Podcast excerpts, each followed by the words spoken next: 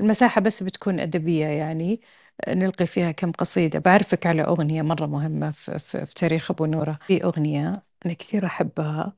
ففي أغنية اسمها البرواز لأبو نورة.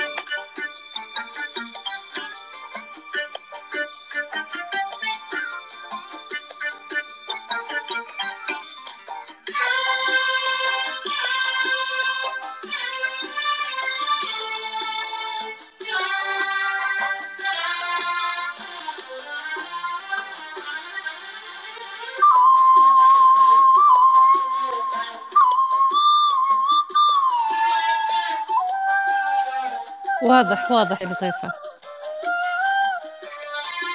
بنات هذه الأغنية آه، نلقيها بعد شوي كقصيدة.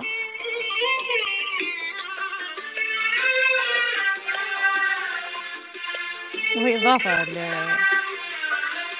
لموسوعتكم الفنية يعني.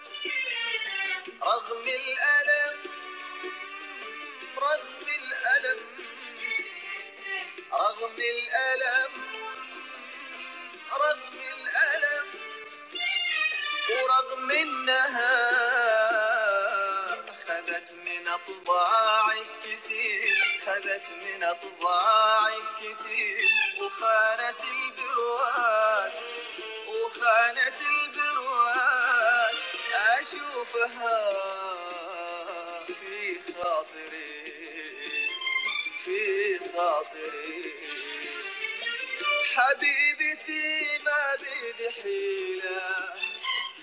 حبيبتي ما بيدي حيلة.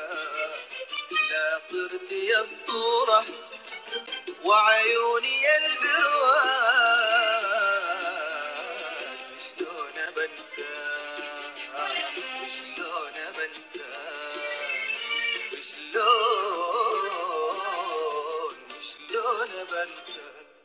خلاص خلاص كفاية. بس ال ال اليوم ال ما في موضوع محدد. موضوع موضوع ممتع موضوع لذيذ يعني.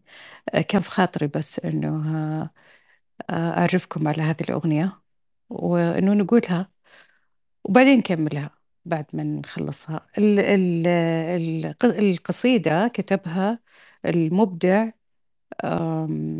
المبدع شو اسمه عبد الرحمن بن مساعد الأمير عبد الرحمن بن مساعد.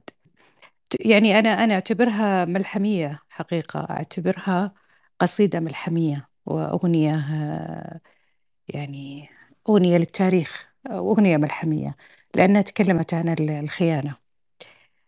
فيقول يقول عبد الرحمن بن مساعد في في في هذه الأغنية أصلا يعني مجرد العنوان آه، كسر لصورة الصورة النمطية فذاك الوقت يعني صورة الشعر آه، اللي اللي اعتدنا إنه في الشعر آه، ما تدخل فيه كثير الألفاظ اللي تعتبر حديثة زي البرواز مثلا. ف يعني صار في صدمة بس صدمة لذيذة. كلمة البرواز دخولها أصلا على الش... على على القصيدة في ذاك الوقت آه، يعني في في ربكة بس الربكه اللذيذه المختلفة.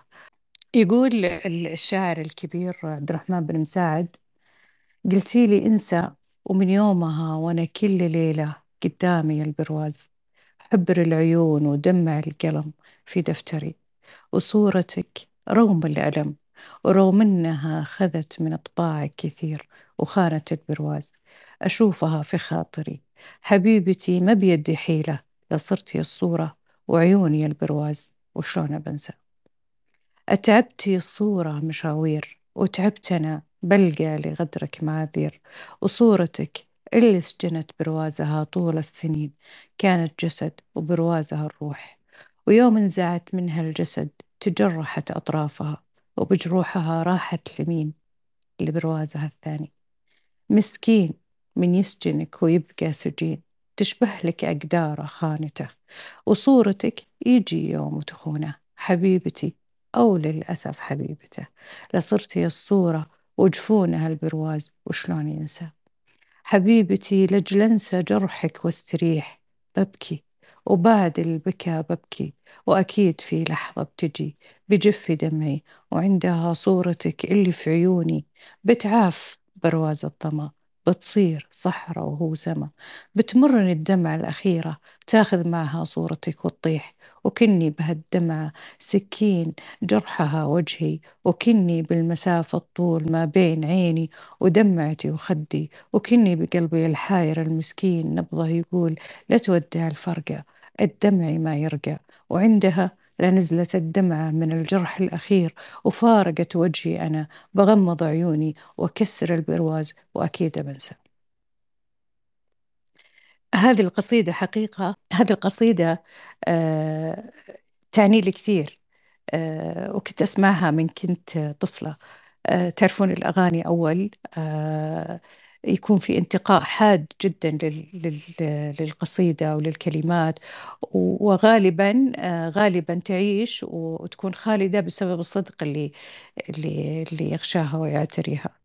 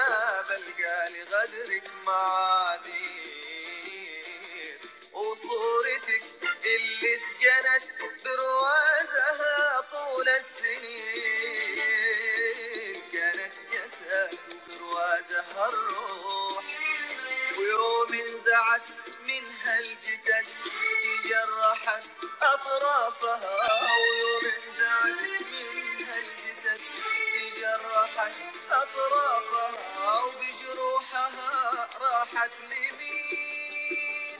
راحت لمين؟ لبروازها الثاني برواز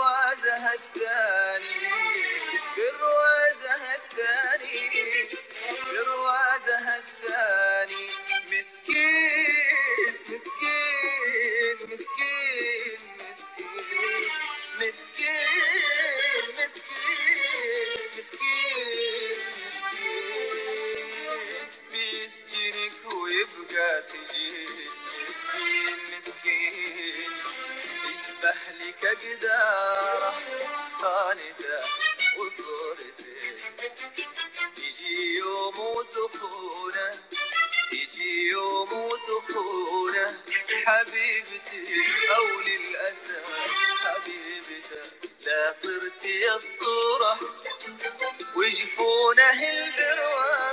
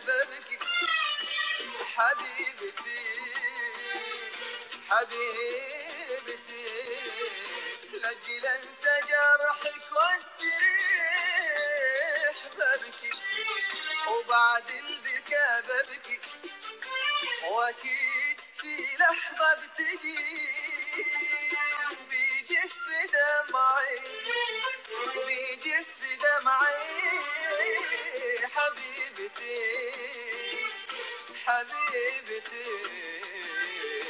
أجي انسى جرحك واستريح ببكي وبعد البكاء ببكي حبيبتي حبيبتي. لاجل انسى جرحك واستريح ببكي وبعد البكاء ببكي وبعد البكاء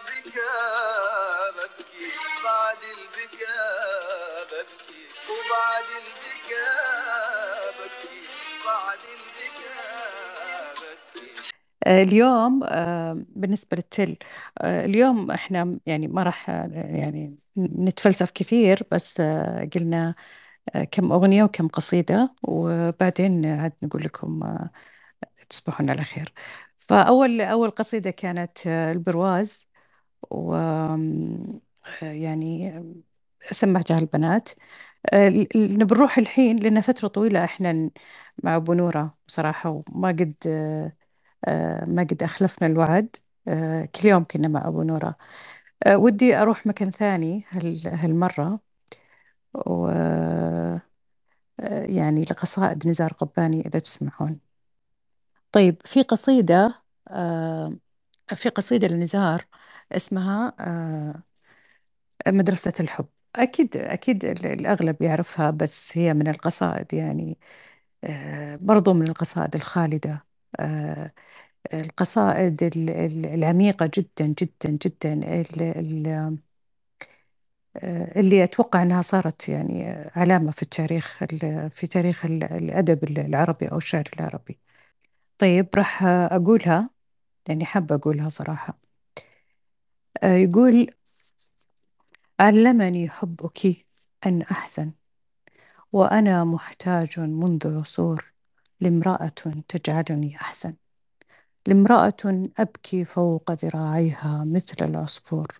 لامرأة تجمع أجزائي كشظايا البلور المكسور.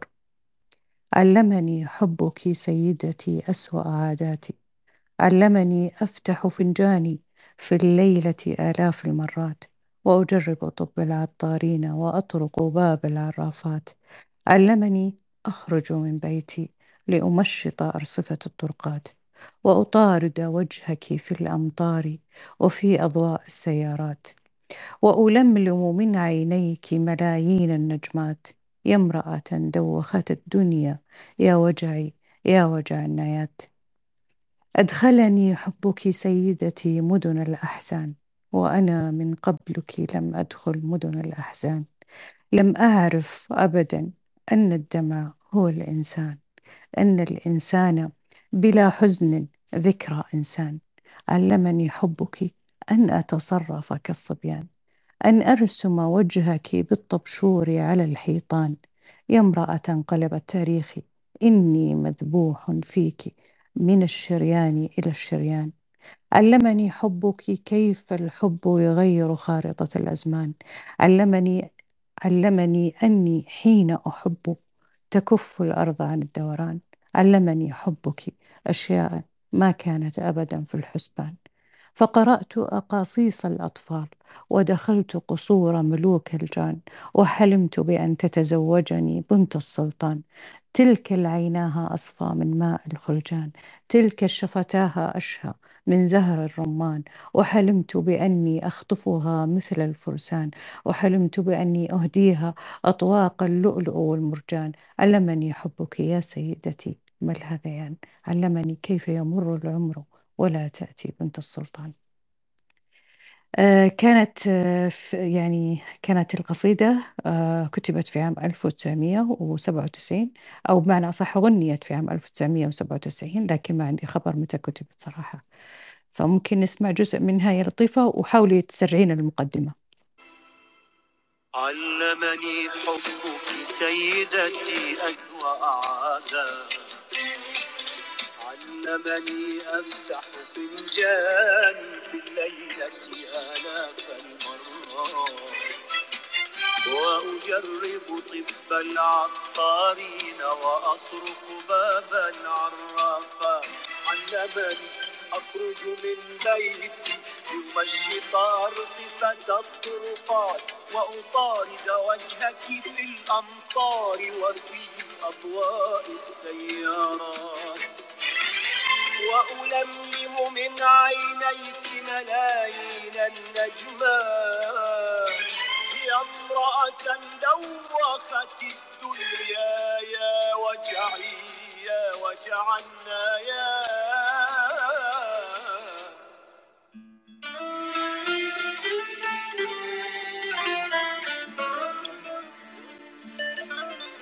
يا وجعي يا وجع النايات أي حب هذا؟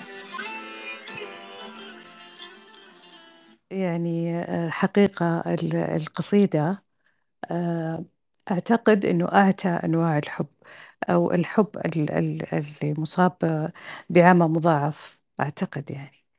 آه، فكل كل كل فقرة أو كل بارت أو كل بيت عفوا في القصيدة يعني بعمق الحب بأعمق مراحل الحب. يمكن الصبابة يمكن الصبابة أو الهيام أو أو اللي ما بعده عودة يعني.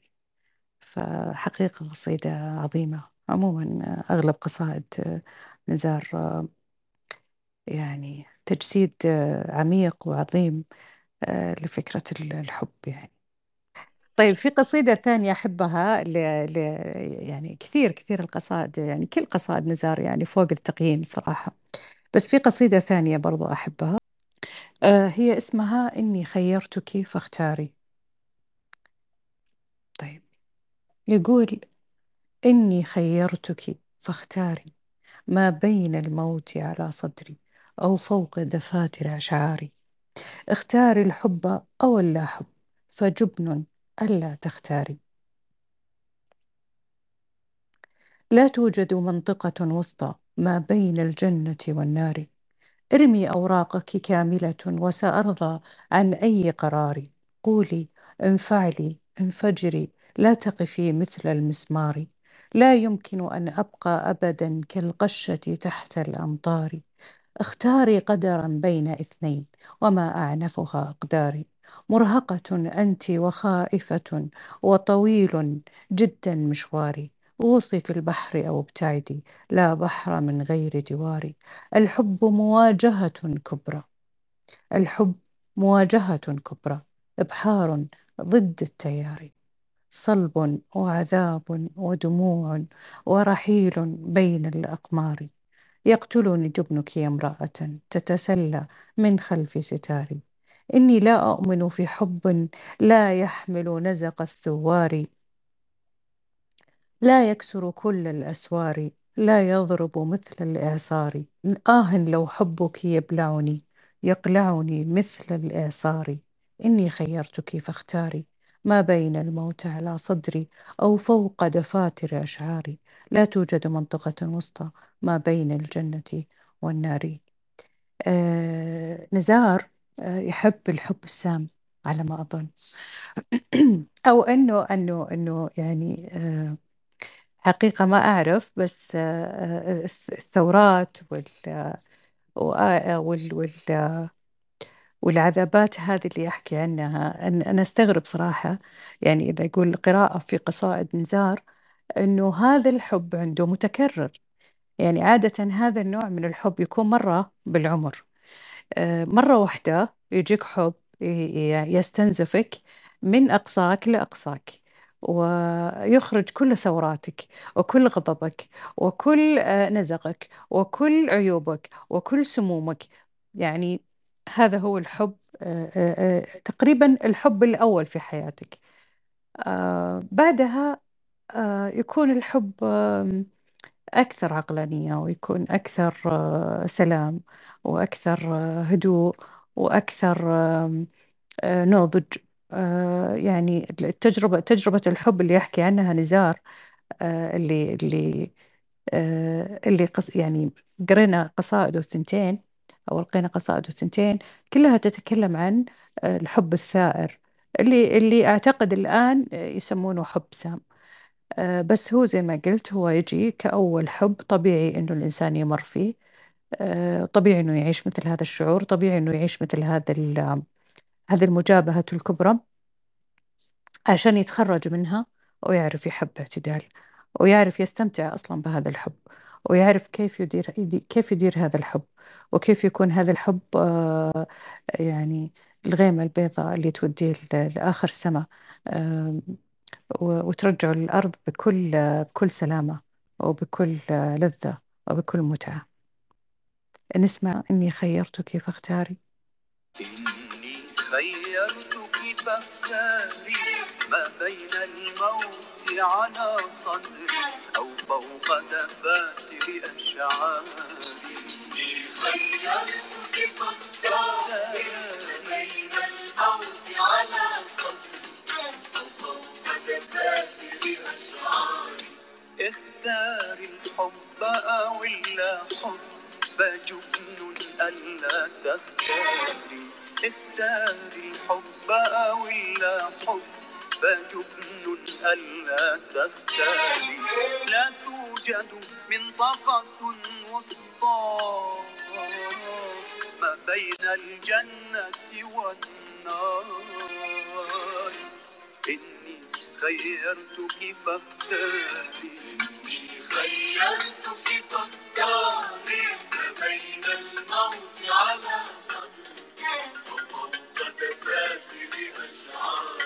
إني خيرتك فاختاري ما بين الموت على صدري على وفوق صدري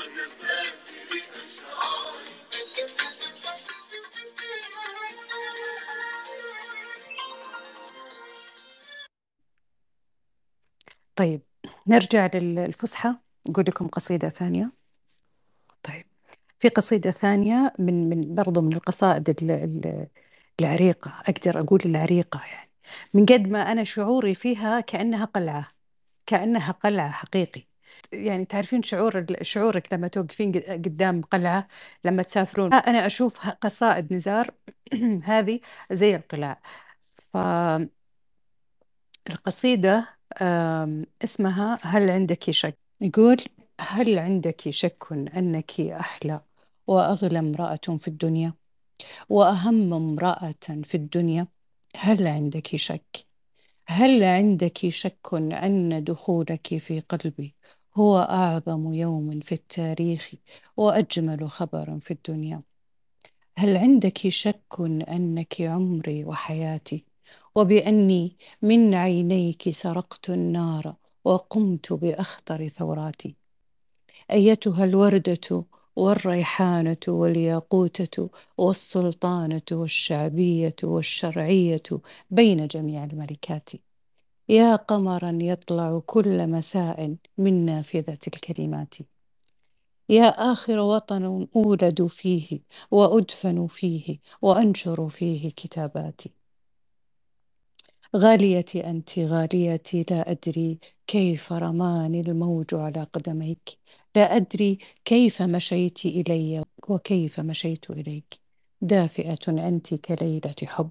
من يوم طرقت الباب علي ابتدأ العمر. كم صار رقيق قلبي حينما تعلم بين يديك. كم كان كبير حظي حين عثرت يا عمري عليك. يا نارا تجتاح كياني يا فرحا يطرد أحزاني يا جسدا يقطع مثل السيف ويضرب مثل البركان ويا وجها يعبق مثل حقول الورد ويركض نحوي كحصان. قولي لي قولي لي كيف سأنقذ نفسي من أشواقي وأحزاني قولي لي ماذا أفعل فيك إني في حالة إدمان؟ قولي ما الحل فأشواقي وصلت لحدود الهذيان قاتلتي ترقص حافية القدمين بمدخل شرياني. من أين أتيت وكيف أتيت وكيف عصفت بوجداني؟ هل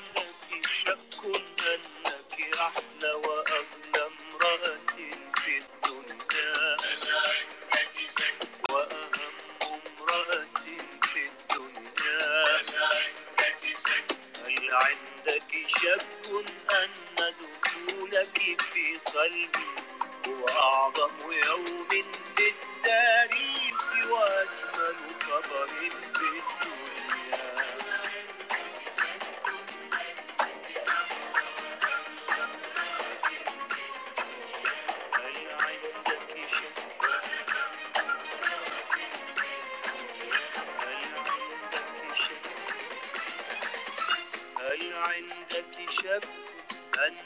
عمري وحياتي وبأني من عينيك سرقت النار وقمت بأخطر ثوراتي هل عندك شك أنك عمري وحياتي وبأني من عينيك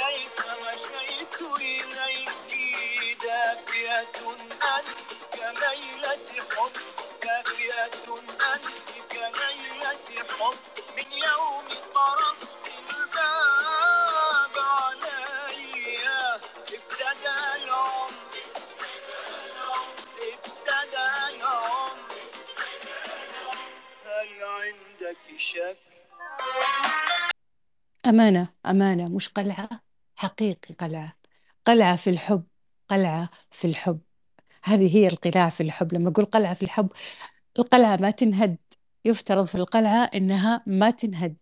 ليش ليش ليش في الزمن القديم يسوون قلاع؟ علشان لما يجي المحاربين والغزاة ما يقدرون يقتحمون المدينة، ليه؟ لأن هذه القلعة وهذه الحصون عتية، عتية يفترض فيها إنها عتية لا يمكن اختراقها. كذا كانت قصائد هكذا كانت قصائد نزار قباني في الحب. شوفي هو دائما يصير فيه بين الشاعر والفنان آه، توأمة توأمة روحية. آه، ينسجمون آه، ينسجمون على بعض فينتجون عمل آه، فني يعني إحنا اللي نستمتع فيه. يعني بالعكس مرة حلو مرة زين إنه يكون في هذا الانسجام بين آه، مبدعين بين المبدعين. يعني شوفي بالنهاية إيش بتنتجين فش يعني شكرا للحياة آه، قبلها شكرا لله سبحانه وتعالى شكرا للحياة إنه منحتنا هذا الجمال. وهذا ال- ال- الأعمال الخالدة اللي اللي تنقلك ت- يعني تنقل مزاجك من آه، من من من من يعني العادية إلى اللا عادية من اللا شيء إلى إلى الشيء. في برضه توأمة آه، في فترة من الفترات بين عبد الرحمن بن مساعد وعبادي الجوهر. كان في توأمة يعني في أغاني عجيبة بينهم عجيبة. أنا من الأشخاص اللي يعني ما كثير ما كثير على عبادي. له أغاني عظيمة هو فنان عظيم. بس عبادي مشكلته يعني صوته مليان حزن.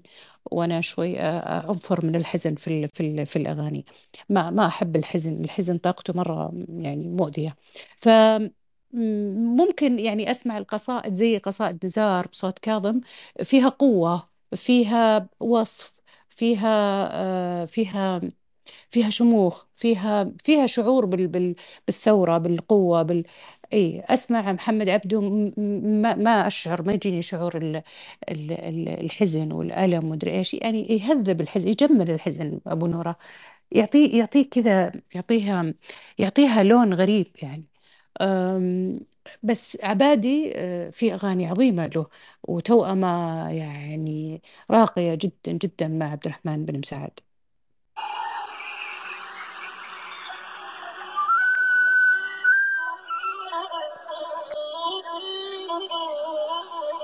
الله الله الله.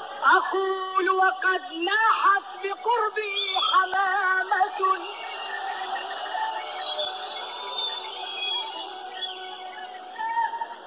أقول وقد لاحت بقربي حمامة. أيا جارة لو تشعري يخرب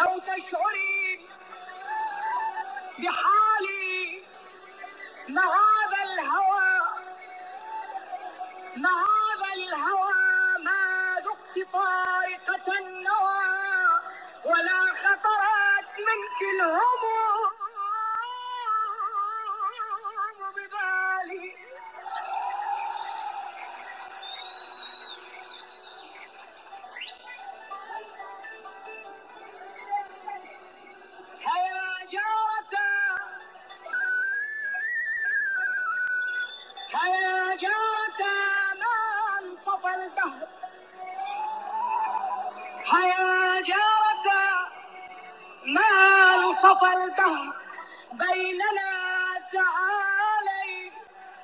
تعالي يقاسمك الهموم تعالي هيضحك ماسور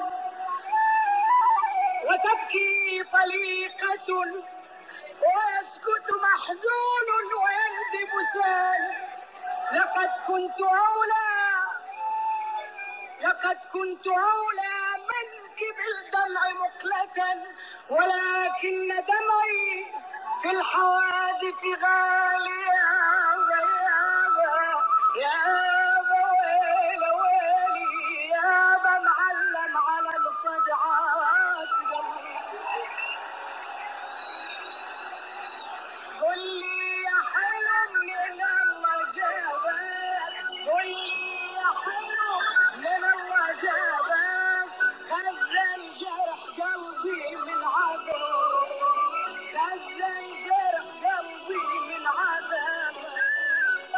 والله شوفي هي هو فكرة الحب فكرة شائكة جدا جدا. ولو بقعد أحكي فيها يمكن أ- أجلس أحكي سا أحكي ساعتين. لكن أنا دايم أنا دايم طبعي ضد ال- ال- الحكم المطلق أو عفوا الحقيقة الثابتة. ما في حقيقة ثابتة. هو في حب وفي ما وتقدرين تقولين في حب وتقدرين تقولين ما في حب. تقدرين في تقولين في حب بس كذا وكذا وكذا وكذا. وتقدرين تقولين في حب لو إنه كذا وكذا وكذا فهمتي؟ فأنا أميل إلى أنه فيه أنا أميل إلى أنه في حب. بس متى يكون في حب؟ آه هو في نوعين من الحب. هو في أول حب وحكيت عنه في, قصائد نزار وقلت إنه هو الحب الثوري وهو الحب ال- ال- اللي, اللي فيه عذبات وفيه يعني مجابهات وفيه ثورات وفيه ما إلى ذلك اللي يسمونه الآن اللي يتسمى الآن بالحب السام اللي مليان بالشك والغيرة والمراقبة والمدري إيش وأشياء كثيرة. في في في في الوعي في علم الوعي يشوفونه إنه حب سام وإنه في مشاكل عند الأشخاص اللي يحبون هذا النوع من الحب. آه، في حب ثاني يصل له الإنسان بعد آه، ما يتج يعني يكون يعني على سلم الوعي في في درجة عالية من على سلم الوعي. آه، واصل إلى مرحلة عالية من الوعي من النضج. هذا الحب أعتقد إنه هو الحب الباقي وهو الحب الدائم وهو الحب الصح. مو شرط الحب يكون مليان بالنار والشرار. مو شرط. هو هو له هو له متعته هذا الحب بس بس آه، بس ما يبقى. هو ينتهي هذا الحب ينتهي لا محالة. الحب بعد النضج إذا إذا وصل الإنسان للسلام والتوازن وال وال وال وال التصالح وفعلا فعلا فعلا آه، تنظف ووعى ووصل مرحلة عالية من النضج آه، يقدر يحب يقدر يحب بحرية يعني. في مساحة للحرية في في مساحة للمساحة في مساحة للمسافة في يفهم فن المسافة القرب والبعد. آه، أصلا ثقته في نفسه وتقديره لذاته بيخلونه يمنح الآخر هذه الثقة وهذا التقدير. بس بشرط بشرط أن الشخص الثاني أصلا يكون على نفس المستوى من النضج والوعي. إذا كان شخص ناضج وواعي وممتلئ بالسلام والجمال وكل الأشياء الحلوة. والشخص الثاني لا. أكيد أكيد أكيد بنروح طريق مسدود. أكيد. ولن ينجح هذا الحب ولن تقوم له قائمة. بس متى تصدف الحياة أن يلتقي الشخصين هذولا اللي على نفس المستوى أو قريبين من بعض في في في فكرة الحب في فكرة الحرية في التخلص من ال- ال- الأنا في حب الذات في تقدير الذات في في في نفس المنطقة من التوازن في نفس المنطقة من السلام في نفس المنطقة. إذا لقيتي في يوم من الأيام إذا أنت أصلا قبل صرتي آه، آه، أو وصلتي لهذا المنطقة الملكية وجدتي هذا الشخص في معك في نفس المنطقة اعرفي أن العلاقة أبدية. اعرفي أن العلاقة ال- الأب- أبدية. وتبي تتصاعد وتبي تكون يعني يعني شيء يعني حقيقي وصادق وعظيم ومستمر. بلس إنه في حب أصلا مختلف تماما عن الحب. أنا يمكن أحيانا أقول أو أسميه وكتبت عنه قبل فترة إنه الحب الأرضي اللي هو الحب السام اللي هو الحب اللي قبل النضج وقبل الوعي. ترى في ناس أعمارهم 60 و70 وما عندهم نضج يعني. على فكرة النضج مو مرتبط بالعمر ولا مرتبط يعني متأثر فيها التجربة لكن مش مش مرتبط بال- بالتجربة. المهم الفكرة آه نعم كنت أقول الحب الأرضي هو في حقيقته حب مادي بحت حب مادي بحت يشبه الصراع على ملكية أحد الصكوك. أشعر أنه أشعر أنه يملك وجها عابس يكسيه كل يوم. آه، آه، أشعر أنه يملك وجها عابس يكسيه كل يوم بلون بلون جديد ليداري سوءات ما تحته. و- ويهديه الأغنيات بيد ويصاعد الخبث بالأخرى. كانت أكبر كذباتهم أنهم حبوا نعم الإنسان إذا ما وصل إلى النضج المطلوب إلى الوعي المطلوب إلى التوازن إلى السلام إلى التصالح إلى الأشياء الجميلة إلى تقدير الذات الحقيقي إلى التخلص من النوازع الغيرة والشك وكل النوازع هذه ال- ال- الأرضية آه، المادية البحت إذا وصل لهذا الشيء يجب أن يبحث عن شخص يشابهه في نفس المنطقة عشان يكمل معه ال- الحياة. طيب هذا هو الحب الأرضي. حب الأرضي ممكن يصعد ويكون بعد النضج وبعد الوعي يكون حب آه، حب آه، حب أرضي وحب روحي. أنا أنا هذه تصوراتي أنا. أنا أنا هذه الخطط في راسي أنا هذه الخريطة في راسي. ما ما يعني ما هي تبع دراسات ولا شيء دراساتي أنا مع نفسي تجربتي في الحياة. أم، في حب مجرد حب أنا أسميه حب الروح. ممكن روحك ترتبط بأشخاص بعيدين عنك. آه، أصلا أصلا يعني عندي إيمان بهذا الشيء. قد يعني قد يكون قد يكون حب روحي مجرد مجرد من الجسد مجرد من ال- العلاقة الجسدية مجرد من ال- النوازع مجرد من غيرة مجرد من عذابات الحب. حب روحي ممتلئ بالأمان ممتلئ بالراحة ممتلئ بال ال ال ال الشعور الشعور الآمن الشعور الآمن اللي يعني الشعور اللي يمنحك المعطف في وقت البرد الشعور اللي يلبسك المعطف في وقت البرد الشعور اللي يعني يهد يهد على صدرك وعلى على كتفك يربت عليهم وقت ما تتألم. آه هذا الحب الروحي المجرد. أحيانا أنا أعزيه أعزيه إني كذا حبيت شخص ممكن يكون ممكن تحب هذا هذا الروح هذا الحب الروحي ممكن تحب يعني مش مرتبط بالجنس بنوع الجنس. يعني ممكن آه، تحبين ولا بالقريب ممكن تحبين أحد من أقاربك ممكن تحبين آم، أختك آه، تكونين بعلاقة روحية مع أختك. ممكن شخص بعيد أصلا عن حياتك. فجأة يعني لقيتيه أصلا في مكان عام أو في ال social media أو في أي مكان. آه، فتلتقين فيه فيكون هو من أسرتك الروحية. آه، تكلمت الدكتورة سمية عن ال- الأسرة الروحية. تكلمت عن الأسرة الروحية وحقيقة هذا ال- الكلام فيه عزاء كبير لكل الأشخاص اللي ما لقوا في أسرتهم البيولوجية الأسرة الأسرة الروحية. وفيه يعني فيها اطمئ- اطمئنان كبير يعني لأنها أخبرت بفكرة أنه قد يكون لك يكون لك أسرة روحية مش أسرتك البيولوجية. والمحظوظ في هذه الحياة أنه أسرته البيولوجية هي أسرته الروحية. هذا هذا من من حظوظ الإنسان في الدنيا. آه، من اختباراتك أصلا أنه ما تكون أسرتك البيولوجية أسرة هي أسرتك الروحية. على كل ممكن أن الله سبحانه وتعالى يمنحك أسرة روحية بعيدة عنك. قد تلتقي فيها في آه، برنامج قد تلتقي فيها في سفر قد تلتقي فيها في شارع. هذه الأسرة الروحية آه، ممكن تكون شخص ممكن تكون اثنين ممكن تكون ثلاثة ممكن عشرة أصدقاء أصحاب معلمين آه، أقارب ممكن ممكن. هذا الحب الروحي اللي أنا أشوفه من أسمى وأرقى أنواع الحب.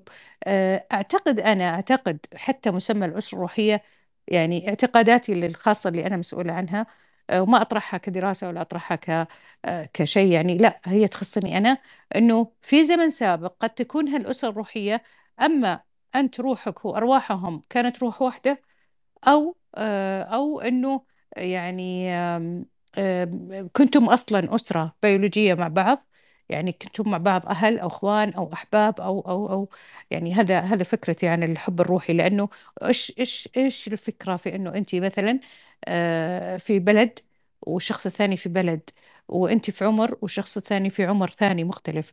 إيش الفكرة إنه مثلا هذول الأشخاص يرتبطوا بعلاقة روحية؟ إيش إيش ال- إيش المبرر لها؟ ليش ليش ليش إيش اللي صار؟ أعتقد أنا أو أكاد أجزم أنهم في زمن سابق كانوا يشتركون في نفس الروح أو كانوا مثلا يعني عائلة بيولوجية. المهم أنه في بينهم علاقة سابقة قديمة بقدم بقدم الأرواح.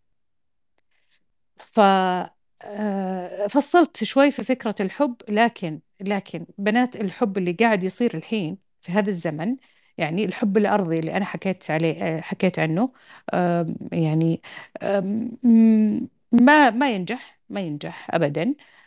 دائما نشتغل على أنفسنا. المفروض إنه دائما نشتغل على أنفسنا دائما نشتغل على على الوعي لأنه هو النجاة. النجاة بعد الله سبحانه وتعالى في الوعي في الوعي يا بنات في الوعي.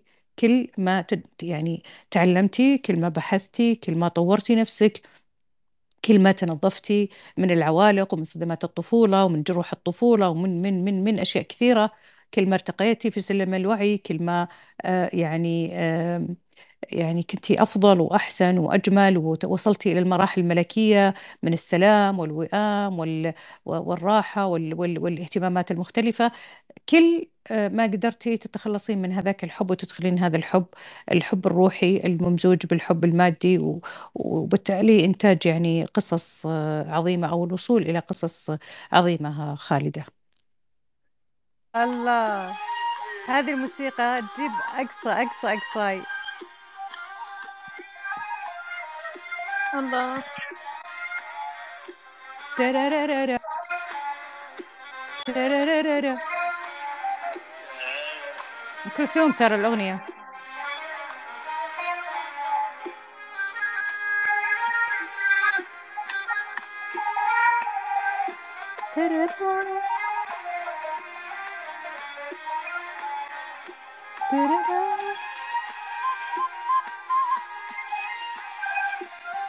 ترارارا ترارارا يلا بطل زهق الموسيقى لحالها أصلا حياة.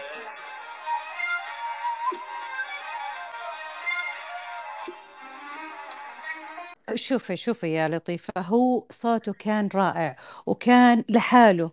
صوته مش ما يشبه الأصوات اللي كانت في زمنه. بس هو تعرض لجلطات كثيرة وجاو شلل. ويعني كانت حياته بائسة مليانة مليانة بالحزن والألم والإدمان وأشياء كثيرة.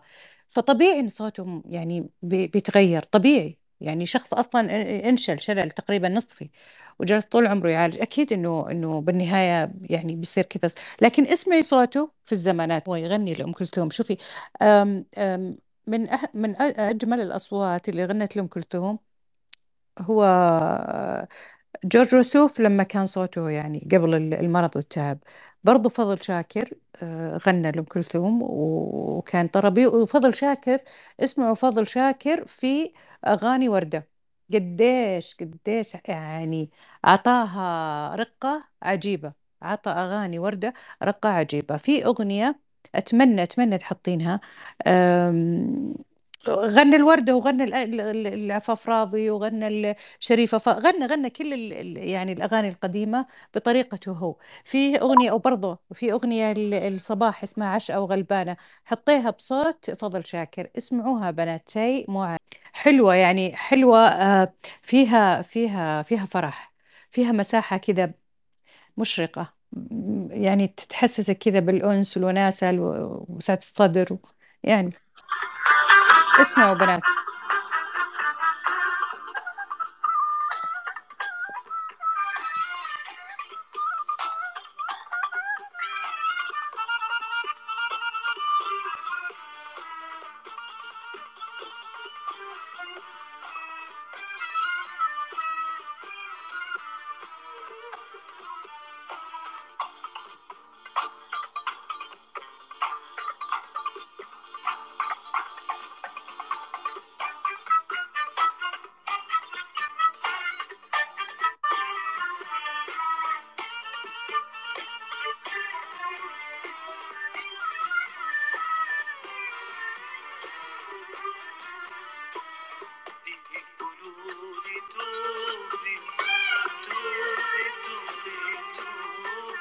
الله توبي توبي توبي توبي. إزاي؟ أي والله.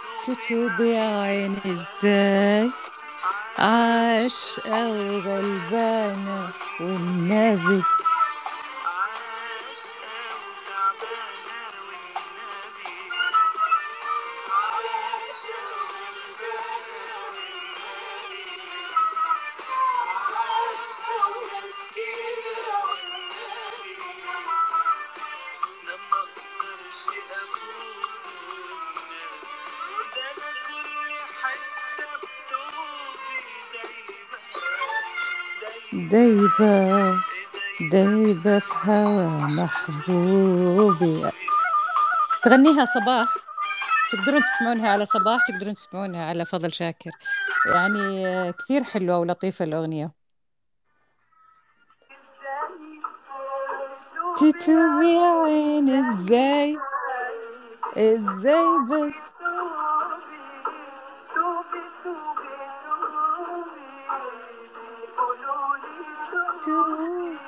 معكم إذاعة القاهرة هذا الصباح. أيوة هذه من الأغاني اللي أموت عليها. اعدي عدي عديها عديها عديها وأنا بقول لك شيء عديها أنا من بلد الشبابيك مجروحة بالحب المفتوحة الصدفي وأنت من وين أنا من بلد الحكايات المحكية على ومثنية على الالفي انتي من وين. أنا من بلد الشبابيك المجروحة بالحب مفتوحة الصدفي وانت من وين؟ أنا من بلد الحكايات المحكية على المجد مبنية على الإلفي مرعوا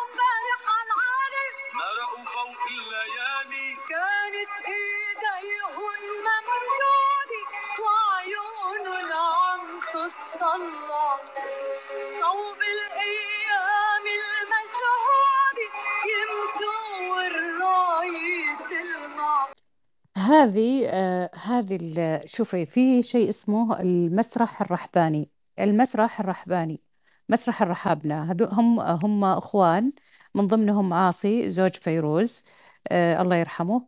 آه يعني كانت كانت في ذاك الزمن آه كانوا يسوون ال- ال- ال- المسرحيات الغنائية. يعني مسرحية كاملة وأحداث وما أدري إيش وأفلام بعد نفس الشيء. هي تسمى المدرسة الرحبانية آه، وكل الحوارات أغلب الحوارات تكون أغاني. آه، تعرفي على هذا ال- الفن وراح يعني تصابين بدهشة دهشة لذيذة جدا جدا جدا. يعني من من أعظم ال- الأعمال ال- العربية آه، كان المسرح الرحباني والرحابنة وإبداعاتهم. ابتداء من عاصي وأخوانه انتهاء ب- بزياد يعني. زوجها هو أصلا زوجها وأخوه هم اللي صنع هم اللي صنعوا فيروز أصلا. هذه كل اللي تشوفينها كلها ألحانهم كلها إبداعاتهم. هي فيروز فيروز عظيمة بصوتها وأدائها بس هي صناعة رحبانية بحت يعني.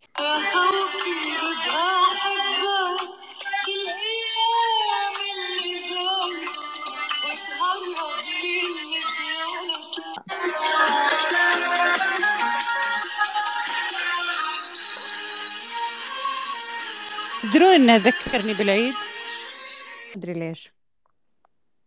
آه، في في أغنية لأم كلثوم آه، تقول لي ليلة العيد أنستينا. آه، بس أكثر أغنية آه، يعني ارتبطت بالعيد من. طلعنا على الدنيا وهي حقت محمد عبده من العايدين.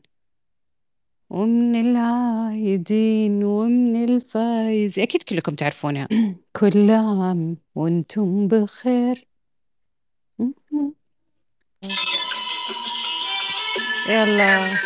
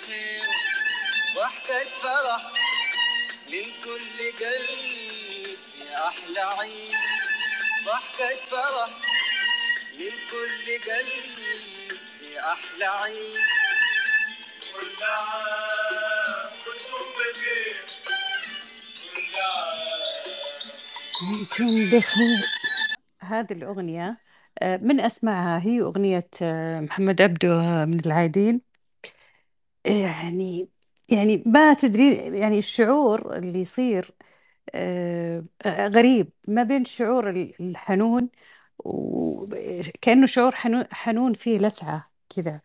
ما تعرفين وشو يعني. آه، تمر عليك الصورة بسرعة صورة إنه إنه أنا كنت طفلة طفلة صغيرة كذا ولابسة فستان أبيض يوم العيد ونافش مرة ولابسة البرنيطة على قولة اللبنانيين آه، لابستها كذا كبيرة. وقايمين الصبح الفجر. والشمس كذا مرة مشرقة. الصورة كذا قدامي. طفلة. لا عاد أنا يعني بيضة فيعني كله صاير أبيض بأبيض. فش اسمه كثير حلو كثير حلو كثير حلو. المشهد بس يبكي يعني. حقيقي يبكي. الإنسان لما يسترجع آه، ذاته آه، طفلة وشيء يعني والصورة الصورة ال- صورة الطفولة في شعور غريب غريب حقيقي يعني. لأن أنا أعتقد أن ارتباطنا بطفولتنا أكثر بكثير من ارتباطنا بمنطقة الوسط. حتى الذاكرة دائما تكون ذاكرة ال- الذاكرة الأولى أقوى من من الذاكرة ال- ال- الوسطية. آه، فالآن الآن من حطيتي ال ال شو اسمه من حطيتي الأغنية المنظر على طول على طول راح لذاك العيد. طبعا هو مكرر بس هي هذيك الصورة. آه وأنا كذا صغيرة حجمي صغير وفستاني نافش وأبيض حلو والبرنيطة على قولتهم إحنا كنا نسميها برنيطة. آه كذا على على وراسي وشعري مسرح ومعي شنطة العيد وشوز العيد ومعاي ال- ال- البنات ال- ال- ال- الأقارب والجيران. يا الله. شيء غريب غريب غريب. هي نفسها نفس هذه الأغاني تتكرر كل سنة. فالمشهد هذا عالق جدا. بس عالق تخيلوا شلون الصورة اللي عالق فيها. عالق كأنه نور نور كأنه نور حقيقي نور أبيض ساطع. كذا أشوف هذيك الصورة. حقيقي. سبحان الله العيد آه، له شعور له شعور. مهما آه، مهما قالوا الناس إنه آه، يعني شيء معتاد وشيء مكرر. لا. أنا أشعر بفرحة العيد حتى لو ما كان في يعني آه، يعني حتى لو ما حتى لو أنا مسافرة بس أشعر آه، أشعر ب- بالعيد أشعر بالعيد أشعر إنه في شيء مختلف. شعور ما اجتهد فيه بس في شعور للعيد حقيقي. فسبحان الله. أصلا كلمة عيد كلمة مفرحة مبهجة أصلا يعني. حتى طاقتها أحس طاقتها عالية. ويوم العيد دايم طاقته عالية. أنا أنا هذا هذا إحساسي شعوري. ما أدري صح مو بصح ما أدري. بس هذا شعوري مع العيد. ليلة الله.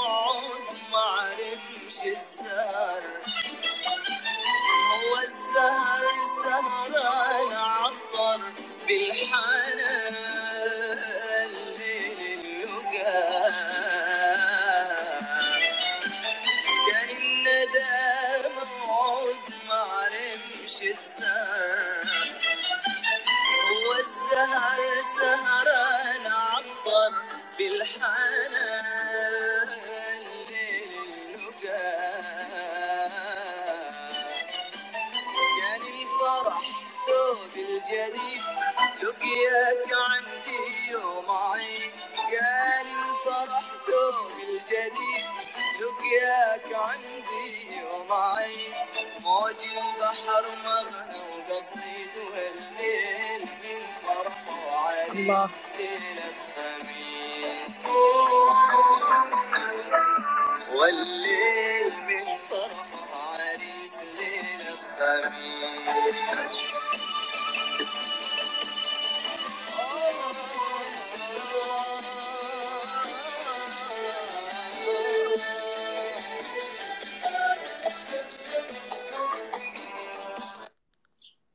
كانت صباحية مباركة يعني قوي حلوة كثير. آه، كانت كلها قصائد وشعر وحكينا يعني حكيات حلوة.